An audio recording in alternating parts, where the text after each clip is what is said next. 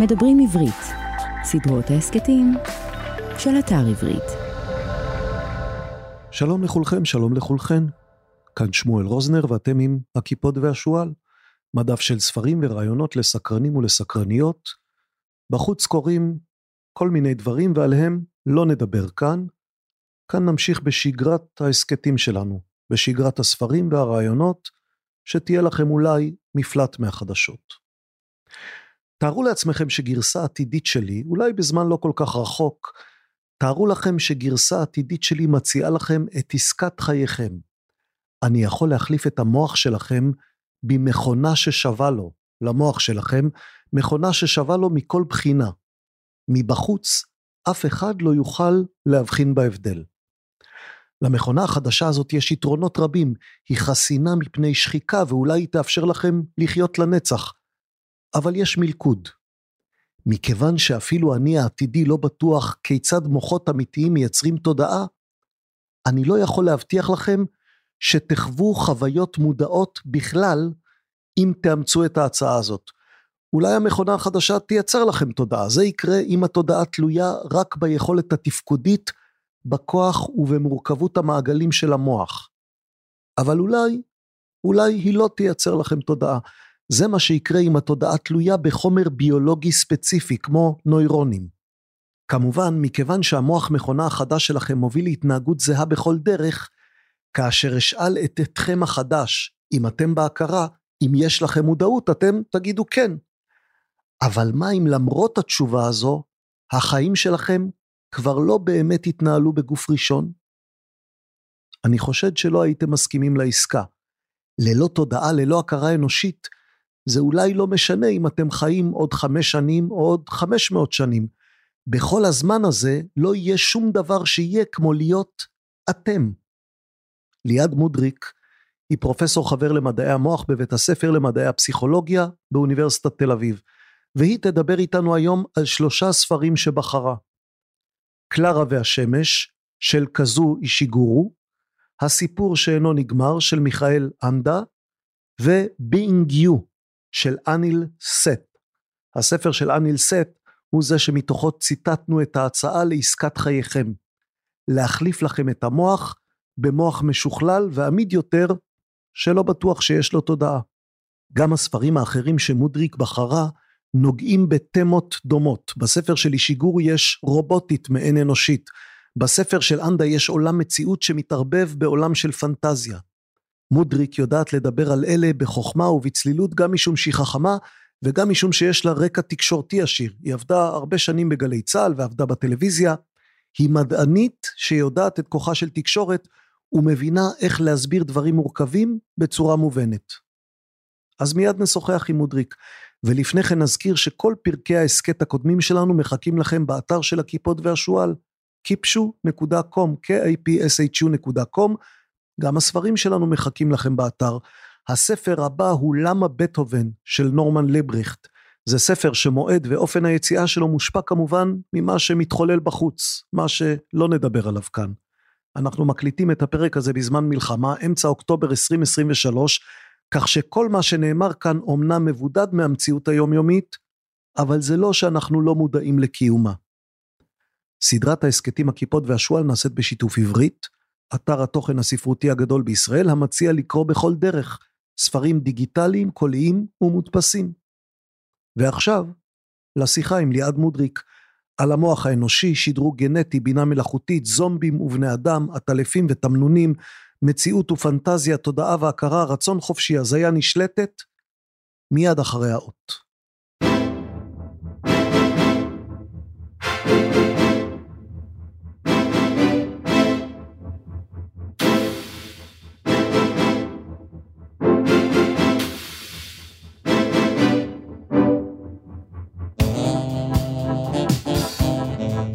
ליאת מודריק, שלום. אהלן. אם יכולת לשדרג את עצמך גנטית, היית עושה את זה? אה, השאלה איך ומה, האמת היא שאני באופן כללי לא ממש מאנשי השדרוגים, לא שדרגתי את עצמי פלסטית או אחרת, אה, אז אני לא יודעת, אבל תראה, במובן מסוים אנחנו כל הזמן משדרגים את עצמנו טכנולוגית, נכון? כן. אז, אה, אז השאלה, אני מניחה, היא איזה שדרוג ו... נו, אז, אז זה שדרוג, כלומר, הנה אני מציע לך סט של אה, שבע זריקות, אחת תשפר לך את היכולת הקוגניטיבית, אחת תשפר לך את הכושר הגופני, כל אחת תעשה משהו אחר, תבחר. זה, זה נדרש, רק, תבח... רק תבחרי, כן. גם הקוגניטיבי לא יזיק. אמ, האינסטינקט שלי הוא לא, אבל אני מניחה שזה, זה, שוב, זה מאוד תלוי בנורמה. כולנו היום רוצים לאכול אוכל בריא, זאת אומרת, אני כן דואגת לאכול אוכל בריא במידת האפשר, ראית שכשנכנסת טרפתי רוגלח, כן. אבל, אבל עקרונית אני רוצה לאכול אוכל בריא, וכולנו מתלהבים מהסופר פודס, או איך שלא יקראו אלוהים, אז זה לא ש... ואני כן שואפת לעשות כושר גופני, זאת אומרת, אני...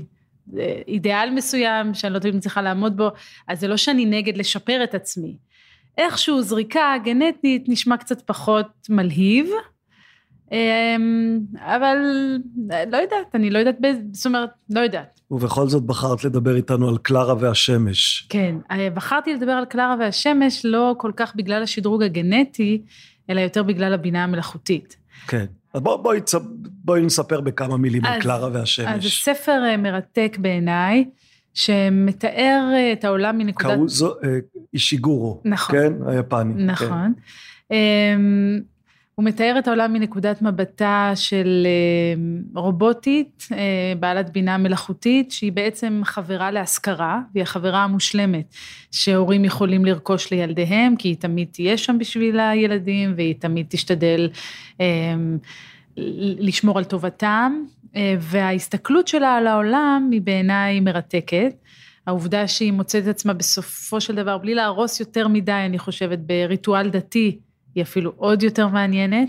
מעלה הרבה מאוד שאלות בנושאים שאני מתעסקת בהם לגבי אה, תודעה, אה, מודעות, חוויה, ובאילו מערכות התופעות האלה יכולות להתממש. אז כן, אז שדרוג גנטי, היססת, חברה... יותר מהיססתי. חברה רובוטית, היית רוצה מהסוג הזה? גם לא, כרגע טוב לי עם החברים שלי. אמ, אבל אני כן עומדת משתאה מול ההתפתחויות של AI, ואני עוד מרגישה קצת דינוזאורית בהקשר הזה, כי אני רואה סטודנטים וסטודנטיות שלי ואנשים מסביבי שמשתמשים נגיד ב-GPT כל הזמן, ואני עוד כזה מהדור ש...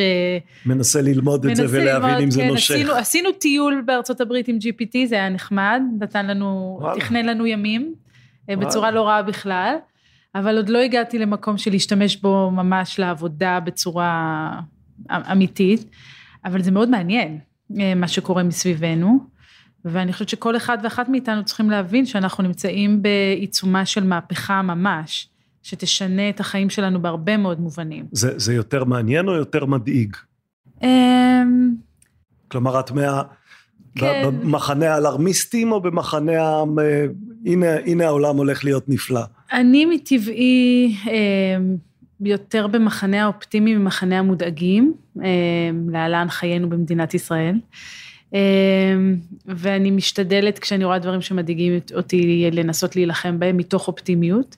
אמ, אז, אה, אז, אז אני, אני, אני במחנה האופטימי אך המפוקח, זאת אומרת זה ברור לי שבניגוד למשל לשיבוט, שיבוט גנטי, אם כבר אנחנו מדברים על כן. גנטיקה, אה, שהיה בעיניי מדאיג לא פחות. תראי, אנחנו כבר הרבה עשרות שנים אחרי דולי, והעובדה היא שזה לא קרה. אבל זה לא קרה כי שם המדינות התערבו, ושם כדי לבצע את השיבוט אתה צריך מעבדות ואתה צריך משאבים. וההבדל הגדול כאן הוא אחד שהמדינות לא ממש מתערבות כרגע, ושתיים, שכל אחד יכול לעשות את זה מהגרז שלו אם אתה בדימוי האמריקאי, או מהמחשב הביתי בסלון או איפה שהמחשב נמצא. אבל, אבל נגיד על, על מכתב, מכתב הפרופסורים והיזמים שאומרים הממשלות צריכות להתחיל להתערב, עליו היית חותמת. לגמרי, הייתי חותמת, הייתי חותמת גם על המכתב, ואף חתמתי על המכתב של חוקרי מודעות, כן. שאומרים, אה, לפני שאתם רצים קדימה, בואו אולי נעצור רגע וננסה להבין גם את ההשלכות האתיות של הדבר,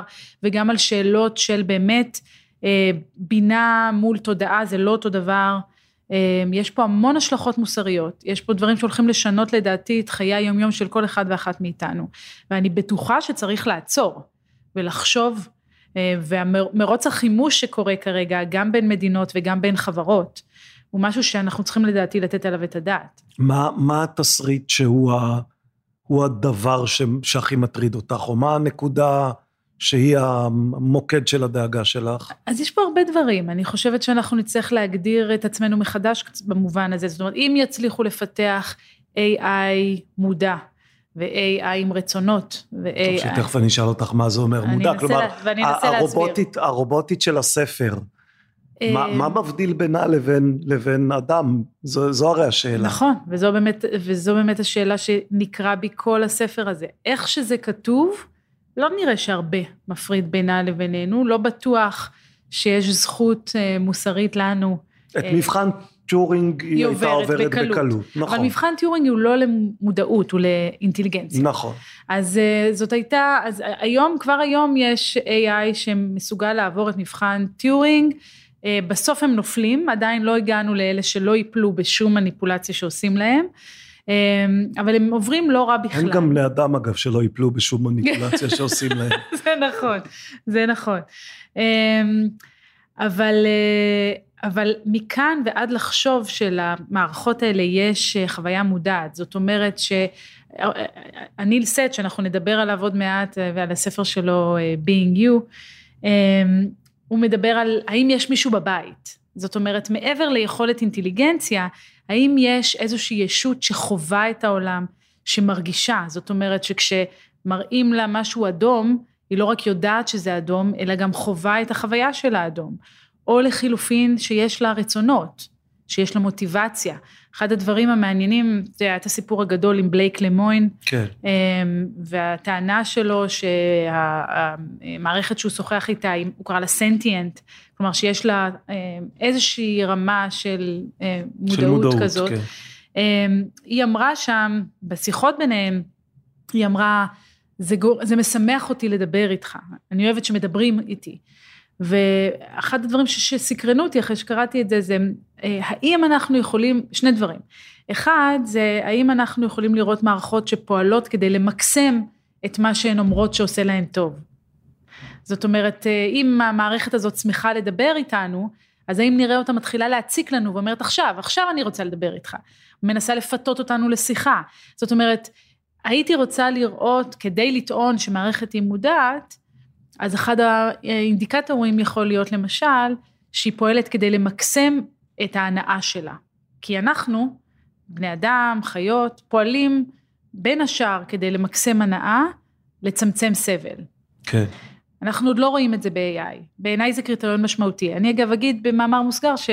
השנה הייתה לי הזכות והכבוד להשתתף בקבוצה של פילוסופים, חוקרי מדעי המחשב, חוקרים ממדעי המוח ומתחום המודעות, ושם ממש ניסינו לגבש רשימה של מרקרים, שאם נמצא אותם בבינה מלאכותית, אז יש פוטנציאל למודעות. לא נגיד שיש מודעות, חלק, דרך אגב חלקנו אמרו שיש, תהיה מודעות, אני אגב, לא. אגב, כלומר, החוקרים האלה הצליחו להסכים על הגדרה משותפת למודעות. הרי כדי להגיע לסוג כזה של מרקרים, את צריכה להגיד זו, זוהי מודעות ואלה המרקרים שיאפשרו לנו להבין שישנה מודעות. האם הסכמתם על השאלה מהי מודעות? אז הסכמנו על השאלה מה אנחנו מחפשים, ואז הלכנו לאיזה מנגנון מעקף כדי לפתור את המחלוקת שאתה מדבר עליה. אז מה אנחנו מחפשים? זה מודעות פנומנלית, זאת אומרת, או פנומנולוגית, זאת אומרת, החוויה עצמה, לא רק הידיעה, לא רק יכולת העיבוד, אני בדרך כלל אמרנו, אכלתי קודם רוגלח, אז נשאר בתחום השוקולדים, זה גם התחום החביב עליי, כן, כשאכלתי את הרוגלח הזה, אז לא רק ידעתי, קולטני הטעם על הלשון שלי לא רק איבדו שיש שם הרבה אה, סוכר, גלוקוז, זה משהו, כן. באמת דוגמה שאני אוהבת לתת, אלא גם חוויתי את הטעם המעולה של רוגלח, כן? אז השאלה היא האם מערכות אה, של בינה מלאכותית יכולות גם לחוות, ולא רק לדעת. ו, אז קודם כל הסכמנו שאת זה אנחנו מחפשים. ואז אמרנו, מכיוון שיש, היו לנו שלוש הנחות שם. הנחה אחת, זה שאנחנו מאמצים כהנחת עבודה את הרעיון של אה, פונקציונליזם חישובי. אני אסביר רגע מה זה אומר. כן. ברחנו מקרלה והשמש. לא, בסדר, בסדר, אנחנו אוקיי. כאילו... אה, היא, היא מובילה היא אותנו, לאן, נכון. שהיא, לאן שהיא מובילה אותנו. אז פונקציונליזם חישובי זה הרעיון ש... אה, אה, אם ניקח מערכת ונבנה אותה כך שמבחינה פונקציונלית היא מתנהגת כמו יצורים מודעים, זאת אומרת, שנכניס לקלט, נוציא לפלט, זה יהיה אותו דבר. כן.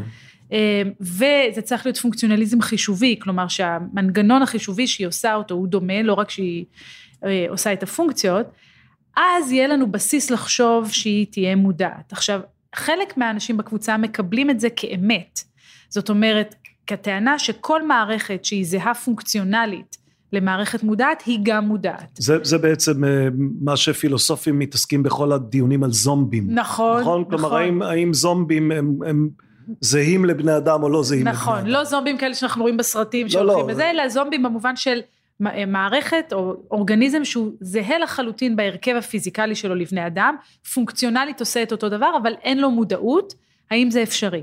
עכשיו, אני לא מקבלת את הפונקציונליזם החישובי כאמת, אבל אני אומרת, זאת הדרך הכי מבטיחה שלנו לשאול שאלות על מודעות בבינה מלאכותית. זה, זה בעצם לא... זו הנחת עבודה מבחינתי. בסוף זה לא מגיע לשאלת היסוד והאם אנחנו, והיא האם אנחנו אה, פיזיקליסטים במובן מגיע. מוחלט. מגיע. כלומר, אם אתה אומר הכל, הכל הוא, הוא, הוא סוג של פיזיקה ו, ומעגלים אלקטרוניים, אז, אז מה ההבדל בין הזומבי לבין האדם? אז מגיע ולא מגיע, למה? כי אני למשל פיזיקליסטית, אני חושבת שהכל הוא חומרי מגיע מהמוח, מופלא, נשגב ומדהים, אבל פיזיקלי. אין, אין נפש. אין- אין נפש יש- שנפרדת מ- בדיוק, מהעולם יש נפש הפיזיקלי. והיא פיזיקלית, כן. אין נפש שהיא לא פיזיקלית, אמ, אבל אה, אה, יש אנשים פיזיקליסטים כמוני, כמו הניל סט למשל, שחושבים שזה ביולוגי. זאת אומרת שלא מספיקה הזהות הפונקציונלית, אם נקים מערכת שתהיה זהה פונקציונלית אבל היא לא ביולוגית, היא לא תהיה מודעת. זה נגיד העמדה של הניל סט. אני בעמדה של חוסר ידיעה. אני לא יודעת אם נדרשת ביולוגיה, אני לא יודעת אם מספיקה הפונקציה, אבל אני חושבת שאין דרך יותר טובה לעסוק בשאלות של מודעות מ-AI, מאשר לאמץ כהנחת עבודה את הפונקציונליזם, להגיד אוקיי, אני לא בטוחה שזה יוליד מודעות, אבל זאת הדרך לבדוק את זה. כי אם, כמו שאמרתי קודם, נמצא מערכת שמקיימת את כל הפונקציות, אז אני אדע שיש לה פוטנציאל לפחות למודעות. אם היא לא מקיימת את הפונקציות, אני אטען שהבסיס לחשוב שהיא מודעת הוא כנראה מאוד חלש. עכשיו, בקלרה והשמש נגיד, אז, אז היא, לא- זו לא מערכת ביולוגית. נכון. מצד שני זו כן מערכת שיש לה כבר את היכולת החושית, כלומר היא כן נכון. ממששת ורואה ו- נכון. וכל הדברים האלה. אז, אז איך, כלומר, האם, האם צריך את המערכת הביולוגית המלאה, האם התאים צריכים להיות ביולוגיים, או שגם תאים סינתטיים ש- שממלאים את אותן פונקציות הם מספיקים? אז זאת שאלה. אז אה, חוקרים וחוקרות שחושבים שחייב להיות שם משהו ביולוגי, יגידו שזה לא מספיק הסינתטי. אבל אז יכולים להיכנס כל מיני ניסויי מחשבה. נדמה לי שדייוויד צ'למרס הציע את הניסוי שאני אגיד עכשיו. בואו ניקח מוח אנושי. אה, נחליף נוירון אחד בשבב מסיליקון. האם הוא עדיין מודע? אנחנו נחשוב שכן. נחליף עשרה, נחליף מאה אלף.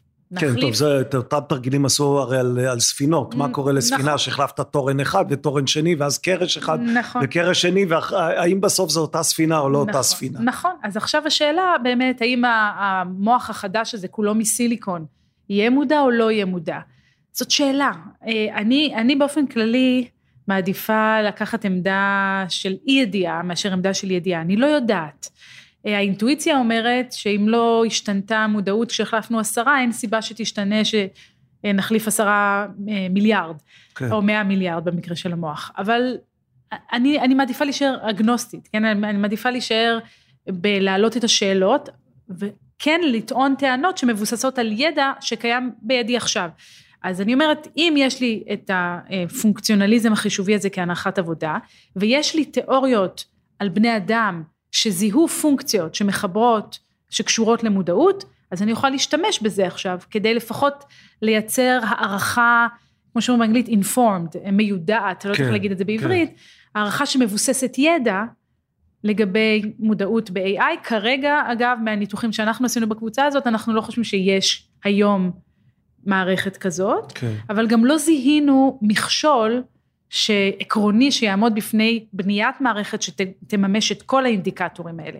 עכשיו אפשר לשאול אחרי, אם היא תהיה מודעת. אחרי שהיא תממש אותם. אני לא יודעת, לפחות יהיה לה פוטנציאל למודעות, והשאלה השנייה היותר חשובה, זה אם אנחנו רוצים לבנות מערכת אני כזאת. הייתי מוסיף לזה עוד שאלה, למה זה חשוב? כלומר, מה, מה, מה אכפת לנו אם, אם נקרא לדבר הזה דבר שיש לו מודעות או שאין לו מודעות? ונניח שאין לו או שיש לו, מה זה חשוב? הדהדת לי מה אכפת לציפור, לציפור לא אכפת, אה, אבל לנו אני חושבת שכן צריך להיות אכפת. כי, וזה אה, אגב יובל נוח הררי אמר, אה, ואני זוכרת, היו לנו דיונים שהוא ניסה להסביר לי ולא הבנתי, שהתחום שלנו של חקר המודעות יש לו חשיבות חברתית ואתית מן המעלה הראשונה ואני אמרתי לו לא אני רק רוצה לפתור את החידה כדי לפתור את החידה. הוא אמר לי את טועה את צריכה לפתור את החידה כי זה חשוב אה, חברתית. היום אני מבינה שהוא צדק. את במחנה, אה, עברת למחנה שלו. אה, אז זה חשוב כי כמו שהוא הסביר המוסר שלנו היום מושתת הרבה מאוד על אה, הרצון שלנו להימנע מפגיעה במערכות מודעות, ביצורים מודעים. את חוק המלך או החוק הדתי החליף, החליף שיח זכויות. כן. אפשר לדון בחברה הישראלית. כן, ביתרונות בסדר. ובחסרונות שלו, כן. אחת הדוגמאות שיובל נוח הררי נתן, זה למשל מצעד הגאווה. כשחרדים פונים לבית המשפט ואומרים, אסור לקיים את מצעד הגאווה בירושלים, אז הם אומרים את זה לא כי זה אסור דתית, אלא כי זה פוגע ברגשות שלנו. זאת אומרת, המוסר שלנו היום, החוק שלנו היום, מושתת הרבה מאוד על רעיון של צמצום סבל, צמצום פגיעה ביצורים מודעים. למחשב, אני לא כל כך רוצה לצמצם את הפגיעה. לפעמים אפילו מטיחים אותו בזעם ולא כך אכפת לנו שזה כואב לו. אמ, אבל אם יש לנו מערכת שהיא מודעת, אז נדמה לפחות, ויש גם הרבה כתיבה פילוסופית על זה, שצריך להתייחס אליה אחרת. כן, אני, אני קורא עכשיו ספר של אה, פילוסוף, נדמה לי אוסטרלי, שעוסק במודעות של אה, תמנונים. כלומר, לוקח את, ה, את תמנונים כדגם למודעות, נכון. אז כלומר, אז אי אפשר לפגוע בתמנונים או אפשר לפגוע בתמנונים, כלומר, כמה רחוק את לוקחת את העניין הזה? אז תראה, יש פה שאלה, נכון? אה, אה, עד לפני כמה עשורים לא הייתה שום התנגדות נגיד למחקר בקופים אה, ושימפנזות. והיום, על אף שעדיין המחקר הזה נמשך ואפשר גם להגן עליו, יש התנגדות הרבה יותר חזקה ויותר קל לנו לקבל מחקר בנגיד חולדות מאשר המחקר בקופים וגם ועדות אתיקה ידרשו הצדקות הרבה יותר משמעותיות למה? כי יש לנו איזושהי אולי אה, תחושה היום או תפיסה היום שלקופים יש אולי חוויה מודעת יותר מורכבת. יש לנו תחושה או יש לנו אינדיקציה זה לא אותו דבר. נכון אז אה, אה, אפילו היה איזה, התפרסם איזה גילוי דעת של אה, בשנות התשעים של חוקרים וחוקרות שמתעסקים בתחום הזה שטענו שלבעלי חיים יש מודעות ושהשאלה היא איפה נמצא הקו. אני עצמי מאוד עסוקה בשנה האחרונה בשאלות של האם אנחנו יכולים לפתח מבחן למודעות. שיגיד לנו גם אילו בעלי חיים ואילו אורגניזמים הם מודעים וגם אילו אה, מערכות הן לא מודעות בהקשר של בינה מלאכותית. ואני לא יכולה להגיד לך שיש לנו מבחן אבל אנחנו יש לנו היום יותר ידע ואנחנו יכולים להניח הנחות יותר מבוססות ממה שהנחנו בעבר. ואז השאלה איפה אתה עומד, יש אנשים שיגידו כן אני יודע שהפרה היא מודעת אבל אני חושב שמותר לי אני, לאכול אותה. אני תמיד שואל, ו- ומה נעשה אם נגלה שגם לגזר יש רמה מסוימת של אז מודעות? עכשיו, אז עכשיו יהיה עניין של הצדקה, נכון? ושל, כמו שאנחנו עושים, אה, הרי גם בשיח של זכויות, כשאנחנו פוגעים בחפים מפשע כדי להגן על זכות של אנשים לביטחון, גם פה אנחנו מקבלים שיקול, אבל זה שיקול שמגיע מתוך בסיס של ידע ומתוך התחשבות בכל הזכויות המעורבות. אז, אז גם uh, בהקשר הזה, אפשר ללכת יותר uh, לעוד תחומים, כן? אם אנחנו נוכל לדעת בדיוק מאיזה שלב בהיריון העובר הוא מודע, יש לזה השלכות אתיות חשובות. כן. אז לכן אני חושבת היום שיכול להיות שהתרומה הכי חשובה של התחום שלנו, שאנחנו, אנשים כמוני חוקרים, אמ, לחברה תהיה באמת ביכולת זיהוי מודעות בכל מיני מצבי קצה שיותר קשה לנו להעסיק לגביהם. כבר היום דרך אגב יש מחקרים מדהימים על מודעות באנשים עם פגיעות מוחיות אה, שבמשך שנים נחשבו כלא מגיבים ולא חווים ואז התגלה שבעצם יש מישהו בבית כמו ש... כן, אחד הדברים שעניינו אותי בבחירת הספרים שלך זה שהסתכלתי ואמרתי אוקיי אז היא בעצם מתעניינת יותר בשאלות הפילוסופיות מאשר בשאלות המדעיות והביולוגיות, כלומר את לא בחרת ספרים שיגרמו לנו לדבר על איך, איך נוירונים עובדים. אפשר גם. לא, ברור, אבל, אבל בעצם הלכת לשאלות הפילוסופיות ואני שואל את עצמי אם כמדענית מה שמעניין אותך הוא בסוף לסרוק את המוח ולזהות את אזורי הפעילות ואת, ה, ואת המעברים ואת הרשתות, או שאת אומרת לא, כל זה הוא שלב בדרך לדבר שבאמת מעניין אותי, שהוא העניין הפילוסופי. אז אני חושבת קצת שהא תליא, זאת אומרת, הם קשורים אחד בשני.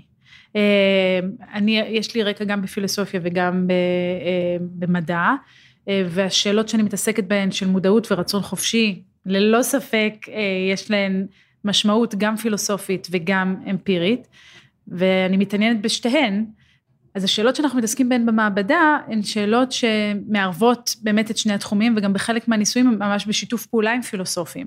כשאנחנו מעבירים דרך הפילוסופים את הניסוי. מה, תני לי, תני לי דוגמה לדבר כזה, כלומר, עכשיו אני סקרן. אה, אז באמת אחד, ה, אחד הניסויים שהיה ממש נערך בשיתוף פעולה עם פילוסופים, אה, יחד עם אורי מעוז, שהוא אה, עשה איתי פוסט דוקטורט בזמנו בקלטק, אצל כריסטוף קוך, והיום חוקר בארצות הברית. ועסק בשאלה של רצון חופשי. ואחד הניסויים הכי מצוטטים אה, ומדוברים במדעי המוח בהקשר הזה, זה של חוקר בשם בנג'מין ליבט, שבשנות ה-80 עשה מחקר שבו הוא בעצם הושיב נבדקים מול מסך, על המסך היה שעון עם נקודה שמסתובבת עליו, הוא חיבר את היד שלהם, את האצבע, למכשיר שמקליט את התזוזה השרירית, אה, EMG, וחיבר את הראש שלהם לקסדה כזאת שמקליטה את הפעילות המוחית, EEG, והוא ביקש מהם להזיז את האצבע מתי שהם מרגישים את הדחף המודע לזוז, ולהגיד איפה הייתה הנקודה על השעון כשהם הרגישו את הדחף הזה. בעצם זה אפשר לו לבודד שלושה, שלוש נקודות בזמן. אחד זה התזוזה הממשית, השני זה, או השנייה, זה הרגע שבו הם חשו את הדחף המודע לזוז, או לפחות ככה הם מדווחים, והשלישית זה הרגע שבה התחילה פעילות מוחית אה, שקשורה לתנועה. ואם אני זוכר נכון, גילינו ש, שמה שהמודעות באה אחרי הפעולה, נכון, או באה... נכון, אחרי הפעילות המוחית, זאת כן. אומרת, הם זזים, בערך 200 אלפיות השנייה לפני כן הם מדווחים שהם רצו לזוז, מעולה, קודם רוצים ואז זזים, אבל 500 מילי שניות מוקדם יותר הם כבר אה, מוצאים במוח את הפעילות המוחית שקשורה לפעולה. כלומר, לא, לא, באמירה פשטנית, לא אנחנו מכתיבים למוח מה אנחנו רוצים, אלא המוח מכתיב לנו מה אנחנו כן, רוצים. כן, אז אני לא אוהבת שמפרידים בינינו ברור, לבין כי המוח. ברור, כי, כי מי זה אנחנו, בדיוק. ברור. כן. אבל כן, זה נראה כאילו למודעות אין תפקיד סיבתי בתהליך הזה של קבלת ההחלטה, מזה באמת נכתבו המון מאמרים וספרים בפילוסופיה, במדעי המוח, שחוקרים את התופעה הזאת וטוענים שאין רצון חופשי וכך הלאה. ויחד עם אורי אה, וגדעון יפה, אה, פילוסוף מייל, אה, גם רם ריבלין היה מעורב בזה באוניברסיטה העברית, בעצם חזרנו למאמר פילוסופי. והמאמר הפילוסופי הזה של אולמן מרגלית ומורגנבסר משנות ה-70 הבחין בין שני סוגים של החלטות. מה שנקרא choosing, כשאני רוצה לקבל החלטה, נגיד, הדוגמה הכי מקובלת לזה, אני הולכת לסופר, אני רוצה לקנות חלב, אני לא יודעת אם אני רוצה את של החברה הזאת או חברה השנייה, אם אני רוצה חלב מלא או חלב רזה, את היקר או את הזול, יש כל מיני טעמים שאני שוקלת כשאני מקבלת את ההחלטה. לזה הם קראו choosing, וזו החלטה שהיא מוכוונת טעמים או reasons באנגלית. אוקיי. Okay. זה לעומת picking, picking זה שאתה הולך לסופר, אתה כבר יודע בדיוק איזה חברה אתה רוצה, איזה, בדיוק איזה, איזה חלב, איזה סוג, ואז יש שורה של בקבוקים או קרטונים. צריך לזהות את הבקבוק הנכון. צריך לבחור אחד, הם כולם עם אותו תאריך תפוגה, אין טעם שיגרום לך לבחור את האחד ולא האחר. זאת אומרת, זה החלטות בעלות משמעות, לעומת החלטות חסרות משמעות. מה שאנחנו שמנו לב זה שבעצם כל המחקרים ש, של ליבט והאחרים שבאו אחריו, היו מחקרים שהתמקדו בהחלטות של picking. כלומר, הנבדקים יושבים שם, דמיין את עצמך, יושב וצריך להזיז את האצבע. זה שרירותי לגמרי. זה לא כן, משנה, כן. אז אולי זה לא כל כך מפתיע שהמודעות לא משחקת פה תפקיד. אז מה שעשינו, עשינו ניסוי, והיה לא כך פשוט לפצח את הניסוי שיתאים לשאלה הזאת, שבו הנבדקים יקבלו החלטות שהן picking והחלטות שהן choosing, ורצינו לראות אם אותה פעילות מוחית, אה, קוראים לזה readiness potential. מתקיימת בשני המקרים. בשני התנאים. כן. ובסוף אני לא אלאה אותך בפרטי הניסוי, אלא אם כן ממש... את לא מלאה אותי, אני מאוד נהנה מזה. אוקיי, אז מה שעשינו זה שנתנו להם, אה, בכל, לכל נבדקת שהגיעה, אה, נתנו לה לדרג, ובחרנו בכוונה נבדקים שהעידו על עצמם שהם מעורבים חברתית, לדרג שורה של עמותות, עד כמה הם היו רוצים לתרום לעמותה הזאת, ובכוונה כללנו שם עמותות כאלה שהן בקונצנזוס, שכולם רוצים לתרום, כמו ביל, הקרן של ביל ומלינדה גייטס, כן. ועמותות שהן שנויות במחלוקת, כמו בעד הפלות ונגד הפלות, כדי שיהיה לנו מנעד של העדפות. כן. ואז לכל נבדקת ונבדקת, או לכל נבדק ונבדק, תלוי איך אתה רוצה להתבטא, אה, בנינו ניסוי שיתאים להעדפות שלהם. זאת אומרת, אם אתה בחרת לפי הדירוגים שלך, יצרנו צעדים של בחירות קלות, בין שתי עמותות שההבדלים גדול, הם גדולים בדירוגים, ובחירות קשות, כשההבדל הוא רק נקודה אחת. ובתנאי אחד, שזה ה-choosing, אתה ידעת שאם אתה עכשיו תבחר נגיד בעמותה שהופיעה מצד ימין על המסך, אנחנו נעשה בסוף הגרלה, ואם הצעד הזה יעלה בגורל, אנחנו נתרום 40 דולר בשמך לעמותה הזאת, וידעת יותר מזה שבסוף הניסוי הולך להיות, אה, הולכת להיות הגרלה כללית, ואם אתה תהיה הנבדק שיעלה בגורל, אנחנו נתרום אלף דולר בשמך לעמותה הזאת. אוקיי. באמת תרמנו אגב, והיה מאוד מלחיץ, שאחת מהעמותות הרעות תקבלנה את התרומה, זה לא מה שקרה. ולא קרה? לשמחתי. אה, והיה גם בעד ונגד ישראל. הרעות בעיניי, צריך לומר. כן, הרעות בעיניי, כן. נכון. אבל אתה יודע, כאילו, נגיד כישראלית, לא כל כך רציתי לתרום לתרומה, לעמותה נגד ישראל. כן. ועוד, יש לי ערכים נוספים מעבר להיותי ישראלית. אז כן, לא, קיוויתי שאחת מהעמותות שאני פחות מחבבת לא תזכה, והיא לא זכתה. אה, ובכל מקרה, אז זאת אומרת, אתה ידעת שבכל צעד, ההחלטה שאתה מקבל עשויה להוביל לתרומה של אלף דולר בשמך אמ, לאחת העמותות. בתנאי של ה picking, גם הראינו לך את שתי העמותות, גם אמרנו לך ללחוץ ימין או שמאל כמו בתנאי השני, אבל הפעם לא משנה מה לחצת, אם הצעד הזה יעלה בגורל, שתי העמותות שהופיעו על המסך תקבלנה 500 דולר בשמך. כלומר, זו בחירה חסרת משמעות. בדיוק. אז עכשיו היה לנו את אותו קלט ויזואלי, היה לנו את אותו אה, פלט מוטורי, אבל המשמעות של ההחלטה היא שונה בתכלית. כן. Okay. מה שקיבלנו זה שהפוטנציאל המוכנות הזאת שליבט מצא התקבל בתנאי של ההחלטות חסרות המשמעות, אבל לגמרי לא היה שם בהחלטות בעלות המשמעות. אה, כלומר, בהחלטות בעלות המשמעות לא זיהיתם את הפעילות המוחית הקודמת נכון, למודעות, נכון, למודעות נכון, של הנבדק להחלטה? נכון. עכשיו, זה לא אומר שההחלטה הזאת באה מהאוויר, וזה גם לא עדות חיובית בעד רצון חופשי. זה רק אומר שהממצא הכי חזק שהיה עד כה בחקר המוח נגד רצון חופשי, הוא נכון רק להחלטות שרירותיות. מה שאנחנו, דרך אגב, אני בטוחה שאם ננסה לנבא החלטות בעלות משמעות מאזורים אחרים במוח, נצליח. הדבר היחיד שזה... אז מה, כלומר, אז מה קדם למודעות? כלומר, מה יצר את המודעות במקרה של ההחלטות בעלות אז המשמעות? אז אני פשוט, ש... אני חושבת שמה שזה אומר זה שאותו פוטנציאל מוכנות הוא בעצם בכלל לא מרקר של קבלת החלטות במוח. פה אנחנו, אני לא אכנס לזה כי זה כבר הופך להיות, אבל פה לקחנו מודל חישובי של חוקר אחר בשם אירון שורגר, ואורי איבד אותו לצרכים שלנו, ובעצם הראינו שבהחלטות חסרות המשמעות, מה שדוחף את ההחלטה זה, איזה, או, זה לפחות פרשנות אפשרית, שמה שדוחף את ההחלטה זה רעש. איזשהו רעש, פעילות, מה שנקרא סטוכסטית, רנדומלית במוח, שהולכת ומצטברת אה, וחוצה איזשהו סף, וזה מה שגורם לך להגיד, לזוז. אוקיי, עכשיו אני אלחץ. כי אין לך, אין לך סיבה אחרת. והפעילות הזאת מתמצעת, מכיוון שתמיד בהחלטות חסרות המשמעות, הרעש יהיה מקסימלי כשזזנו, כי זה מה שגרם לתזוזה, אז כשאתה עושה ממוצע זה נראה כאילו יש שם איזשהו פוטנציאל, אבל אין לו משמעות אמיתית מבחינת קבלת אז, ההחלטות. אז במידה זה רבה... נמצא במקום אחר. הכר, הכרתם את החשיבות של המאמר החשוב ההוא. אה, אנחנו חושבים כך. כן, לא, אה, כך, זה, כך זה נשמע. ו, אבל הסיבה שאני אומרת את זה, זה כי זו דוגמה בעיניי נורא יפה לאיך חשיבה פילוסופית יכולה להכווין מחקר מדעי. לשנות את המסקנות שלנו, והדרך שבה אנחנו בונים את הניסוי, בסופו של דבר, אם ליבט היה הולך על החלטות בעלות משמעות, שאני אטען שהן החלטות הרבה יותר חשובות לשאלות של רצון חופשי, כי רצון חופשי תמיד הולך עם אחריות מוסרית. אחריות מוסרית זה תמיד החלטות בעלות משמעות, ולא החלטות חסרות משמעות. כן. אז כל הדיון הזה אולי היה קצת נשמע אחרת במשך 40 השנים האחרונות. רגע, אז יש רצון חופשי? אז תראה, אני חושבת שיש, אבל לא במובן שרוב האנשים חושבים עליו. תראי, אם את פיזיקליסטית, אז את מן הסתם מאמינה בתהליכים דטרמיניסטיים של מערכות פיזיקליות, ואז איך יש רצון חופשי? אז, אז אוקיי, אז נפרק את מה שאמרת לטענות. קודם כל, זה שאתה פיזיקליסט לא אומר בהכרח שאתה דטרמיניסט, אבל אני אגיד יותר מזה, זה לא משנה לי בכלל. אני לא חושבת שהמפלט של הרצון החופשי הוא ברנדומליות.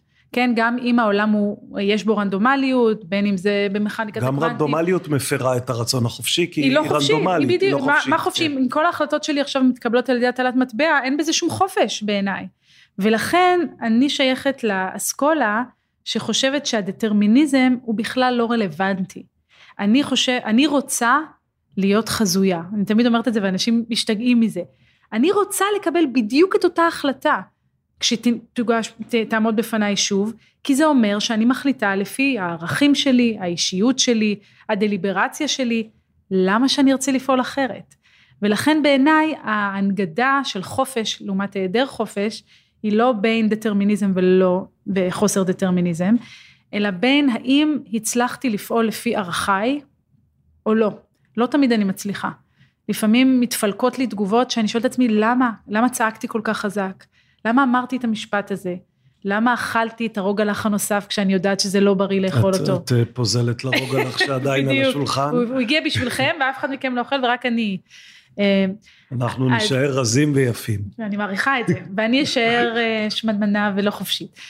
אז, אז אני אומרת, בעיניי החופש הוא מצוי ביכולת שלנו לעשות את מה שאנחנו רוצים לרצות לעשות. זו הגדרה של פילוסוף בשם הארי פרנקפורט. זאת אומרת, לא מספיק לרצות, נגיד, אם נלך על, על אנשים שיש להם למשל OCD, כן, Obsessive Compulsive Disorder, אז הם רוצים לשטוף ידיים, וכבר מגיעים למצב שיש להם פצעים בידיים, והם יודעים שהם לא, שזה לא טוב להם, אבל הם לא יכולים אחרת. אז זה דוגמה לפעילות, לפעולה לא חופשית. כשאני מצליחה לעמוד בפיתוי. אגב, אם אני אוהבת שוקולד ואני חושבת שהערך הוא לחיות חיים טובים, גם אם קצרים, ליהנות מהשוקולד, אז זה גם חופשי, כן? כן. זה לא שכל מצב שרק רק כשאני עומדת בפיתוי אני חופשית, לא, אני יכולה... כן, אלא, אלא אם את מניחה שזה סוג של תירוץ שאת מספקת לעצמך, כלומר, אז את נכנסת לסט אחר של שאלות ש... נכון, אז יש, אתה צודק, זה, אלה שאלות לא פשוטות. ואתה יכול להגיד, מי בחר את הערכים שלך? כן, אני, במובן הזה הבחירה היא שונה. אה, אני חושבת שכל דבר שאני עושה הוא תולדה של מערכת העצבים שלי, אה, שנולדתי איתה, הגנטיקה שלי, וכל החוויות שחוויתי בחיי, שגרמו למוח שלי עכשיו להיות במצב X. וזה מה שגורם לי להתנהג כמו שאני מתנהגת. עדיין אני חושבת שיש פה מקום לחופש, ועדיין אני חושבת שיש לנו בחירה. אני יכולה לבחור אם עכשיו לקחת את הטלפון הזה ולזרוק אותו עליך. אני יכולה. אבל אין סיבה שתגרום לי לעשות את זה כרגע, אלא אם כן תרגיז אותי ממש. כן. לקלרה יש רצון חופשי? אז זאת שאלה מעולה. אה, בספר... כלומר, זה, זה מחזיר אותנו אה, לשאלה מה, האם... מה אתם עושים פה בפודקאסט כדי לא לגלות למאזינים מה קורה?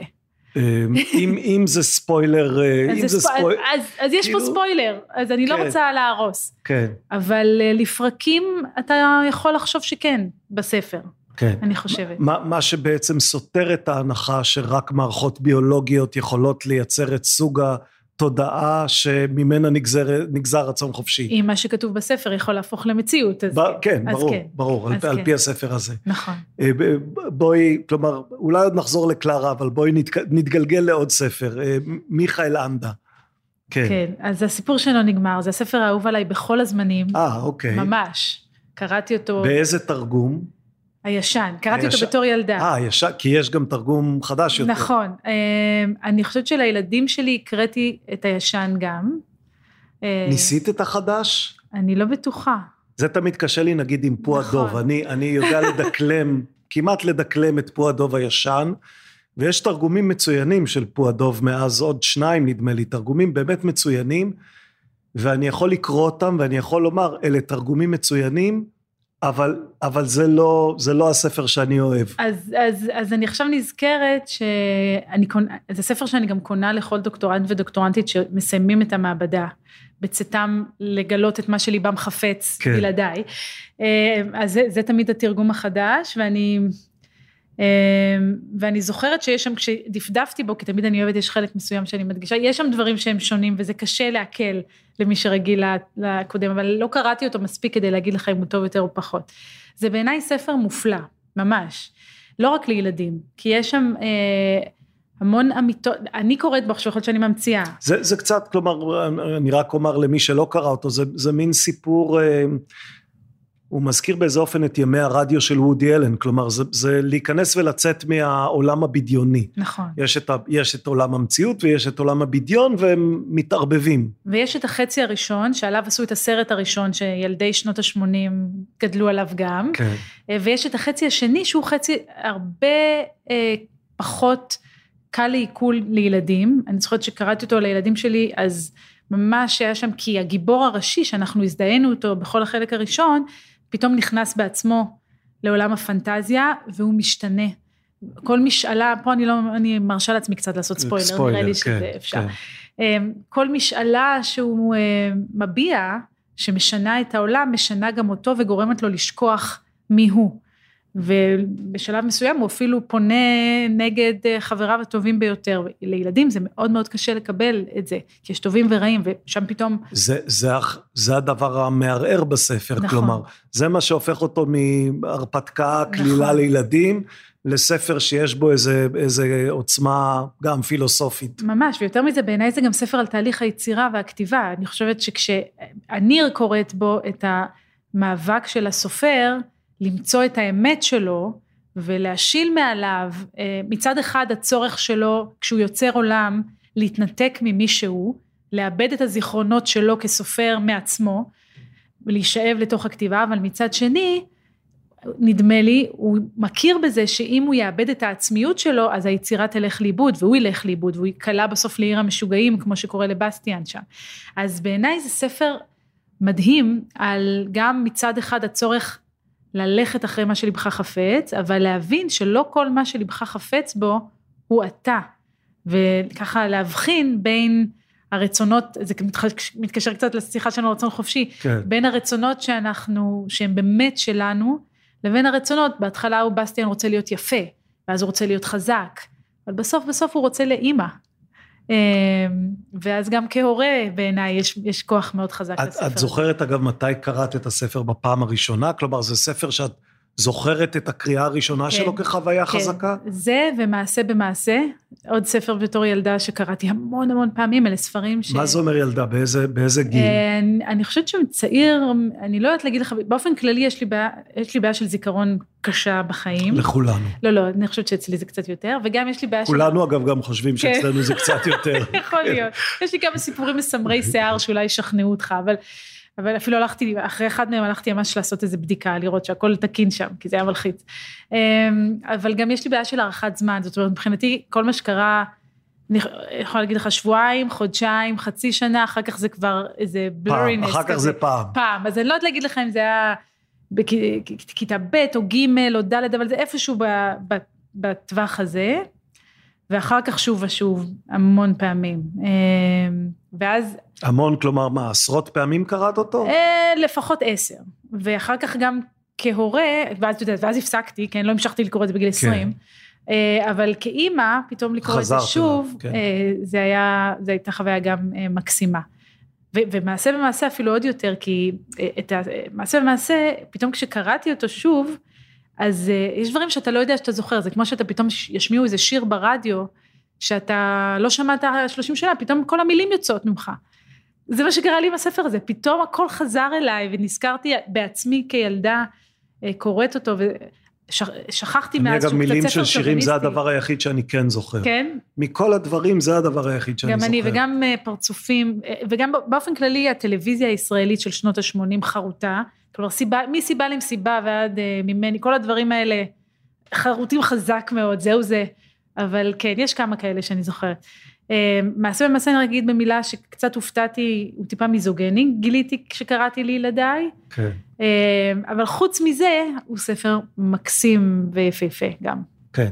אז, אז כש, כשאת אה, חושבת על העולם הזה של, שוב, אנ- אנחנו מתעסקים בשאלות של רצון חופשי ושל דמיון ומציאות, ב, ב, בסיפור שאינו נגמר, מה שקורה לגיבור במידה רבה זה שכשהוא הולך אחרי הרצונות שלו, אז הוא משתנה והרצונות שלו משתנים הבאים, כלומר זה משפיע גם על נכון. הרצונות הבאים שלו. נכון. אמ, ואני חושבת שבאופן כללי, אני חושבת שאחד האתגרים הגדולים שלנו כבני אדם, זה לזקק אה, מתוך הרצונות שלנו, סליחה שאיכשהו נכנסנו לזה, מי אני שאגיד מה אנחנו כבני אדם, כן, בכל זאת אגיד את מה שאני חושבת, זה לזקק מה מתוך הרצונות שלנו באמת שלנו. אה, וגם, אני חושבת על זה הרבה גם מתוך המחקר שאנחנו עושים.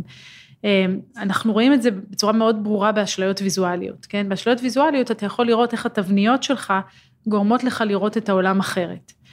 אני חושבת שזה מאוד נכון גם בפוליטיקה, גם ביחסים בין בני אדם, והרבה פעמים ההחלטות שאנחנו מקבלים והרצונות שלנו מאוד מאוד מושפעים מ... אה, מהאמנות שכבר יש לנו, כמובן מהפיד שלנו בטוויטר או בפייסבוק, מהעיתון שאנחנו קוראים, מהשיחות שאנחנו מנהלים. לא, אז בסדר, אז, אז נניח ליעד מודריק הצעירה שהיא יכולה ללכת לקריירה של עיתונות, ואז מחליטה נניח שזה היה רצון חופשי, מחליטה ללכת לקריירה של מדענות. כן.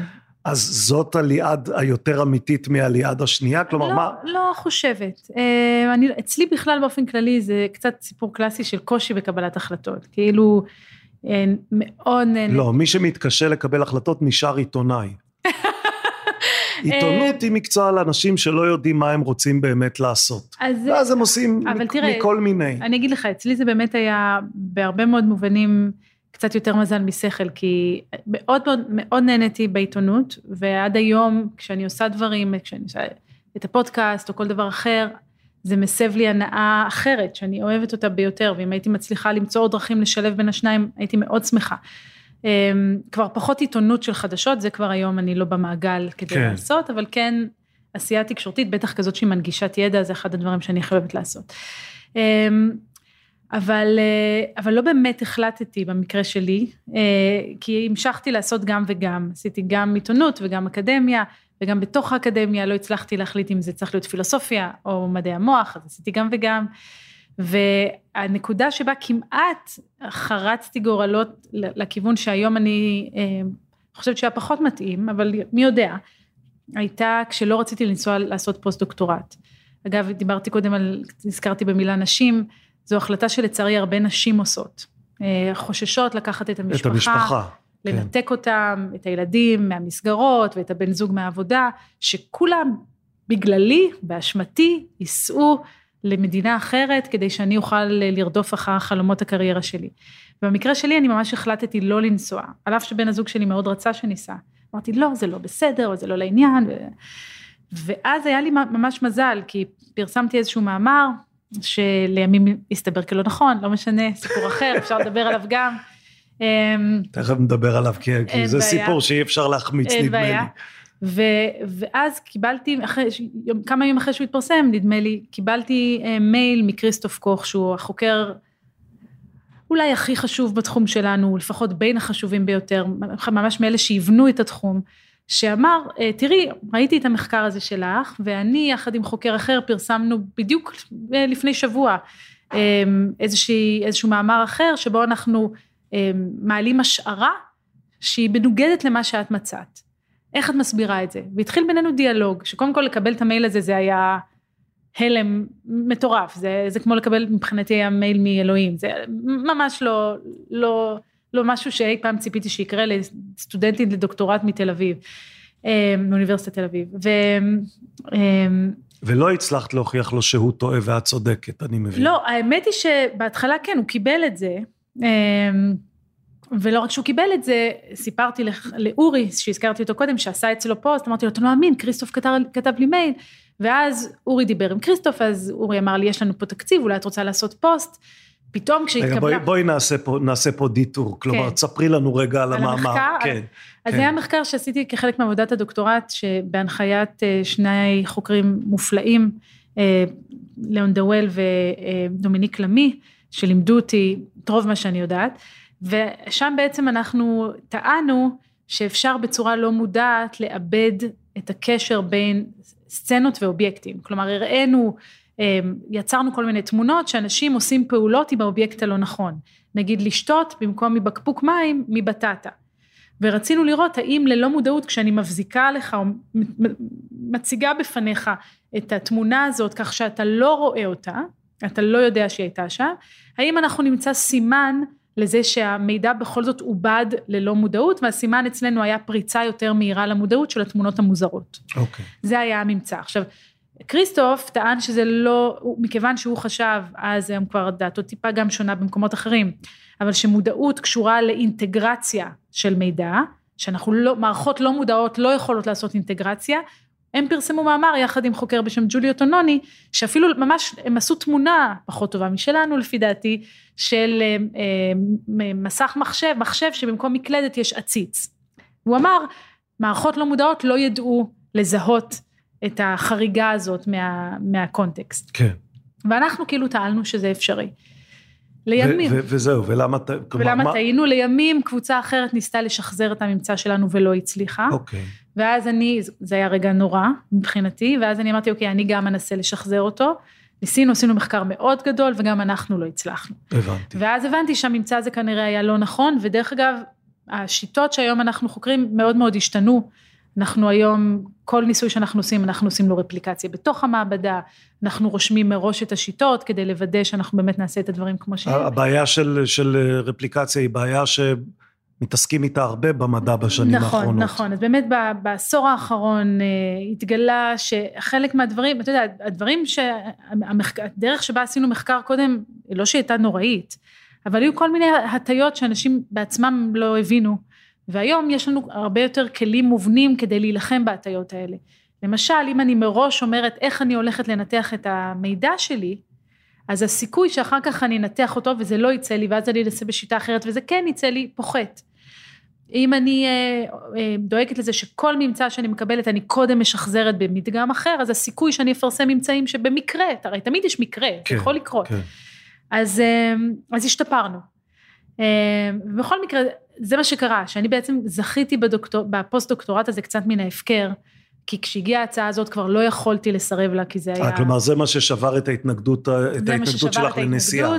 נסענו, זו הייתה חוויה אה, מאתגרת מאוד, מדהימה, אה, משנת חיים במובנים מסוימים, וזה גם, ואז גם הבנתי שאני רוצה להישאר באקדמיה. בזמן הפוסט עוד עשיתי כל מיני פלירטוטים, הייתי שליחת ערוץ 2 וגלי צה"ל ללוס אנג'לס, שזה אפשר לי בעיקר ללכת לאוסקר ולגלובוס הזהב ולכל מיני, לראיין כל מיני אנשים מפורסמים, זה היה מצחיק, עד שנכנסתי לרשימה השחורה של, ה, של, ה, של הוליווד, כי אני הלכתי לראיין את אוליבר סטון, ובמקום רק לשאול שאלות על הסרט, שאלתי אותו על משפט אנטישמי שהוא אמר. כן.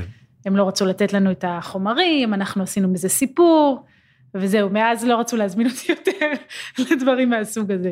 הבנתי. ואז החלטת שאת רוצה להיות אדם רציני ולהתמקד במחקר. אני לא אוהבת את, ה, אה, את ההשחרה שאתה עושה פה לעיתונות. אני מכירה okay. אוקיי. כמה עיתונאים מאוד מאוד רציניים. אה, ואני חושבת שזה, אני באמת חושבת שעיתונות זאת שליחות, ואלה מבינינו שעושים אותה טוב, הם עושים עבודה מדהימה ואני מסירה בפניהם את הכובע. אני מרגיש נזוף, אבל אני חושב שאת צודקת, אז... וגם אה, אתה ביניהם. כן. אמ, אוקיי, אז... לא בנזיפה, במחמאה. אז, אז, אז, אז חזרת לנתיב הזה. כן. ולמה מוח? מוח מההתחלה היה שם, מבחינתי. אני חושבת, תשמע, זה פלא. האירוע הזה זה פלא. כן, יש לנו בתוך הגולגולת אה, מכונה שצורכת הרבה פחות חשמל מ-GPT. שצריכה הרבה פחות אימון מ-GPT ויכולה לעשות דברים מופלאים. אמ, ואני חי... אני ממש מרגישה שיש לי דחף להבין איך. זה כל כך מעניין. כמה, כמה את חושבת ש...